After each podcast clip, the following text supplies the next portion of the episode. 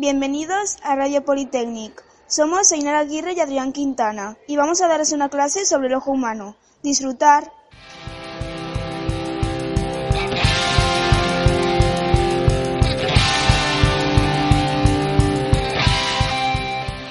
Para comenzar, ¿alguien se ha planteado la definición y el sentido de la vista? Es muy fácil. La vista sirve para vivir.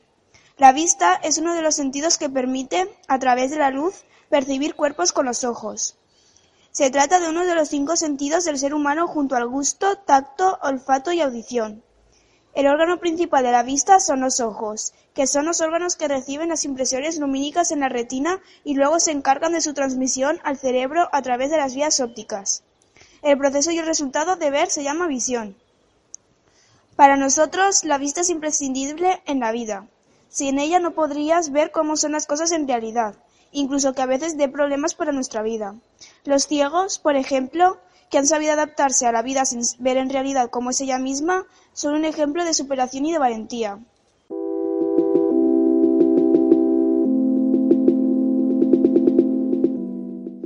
Para continuar, vamos a hablar de la visión.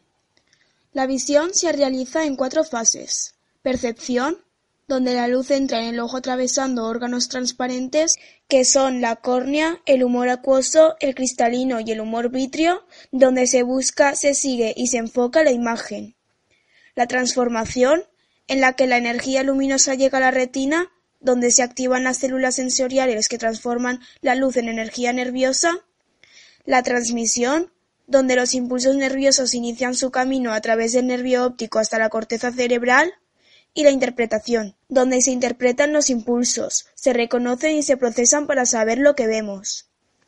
Para que este proceso tan complejo funcione son también necesarias otras funciones visuales como la acomodación o enfoque para ver con nitidez tanto lo lejano como lo cercano, la visión cromática o facultad del ojo para distinguir los colores gracias a los conos, la adaptación a la oscuridad gracias a los bastones o la visión binocular, entre muchas otras.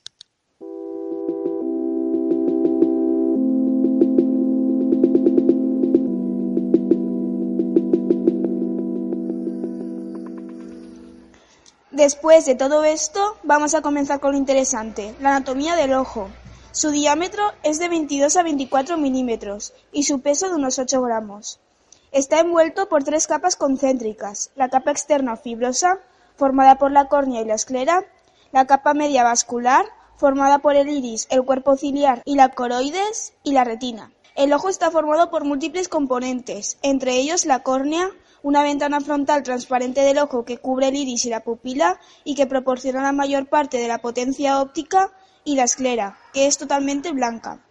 También está la coroides, situada entre la esclera y la retina. Seguimos. Otra de sus partes es la pupila, que es una apertura circular negra en el centro del iris que regula la cantidad de luz que entra en el ojo. Seguidamente está el iris, una parte coloreada que rodea la pupila, y permite que la luz entre a través de la pupila. El color de esta suele ser marrón, verde o azul. Otra parte es el cristalino, que es la lente del ojo transparente que atrae los rayos de luz para que se concentre en la retina, encargada de convertir las imágenes del sistema óptico en impulsos eléctricos que se envían por el nervio óptico al cerebro. También está la mácula, una pequeña área central especializada de la retina responsable de la visión central aguda. Y, por último, el nervio óptico, el conjunto de fibras nerviosas que transportan los impulsos de la vista de la retina al cerebro.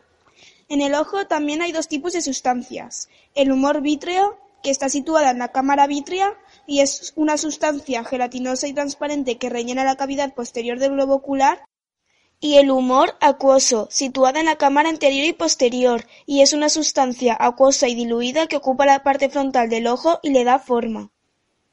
Esto ha sido todo por hoy. Esperamos que os haya gustado. Hasta la próxima.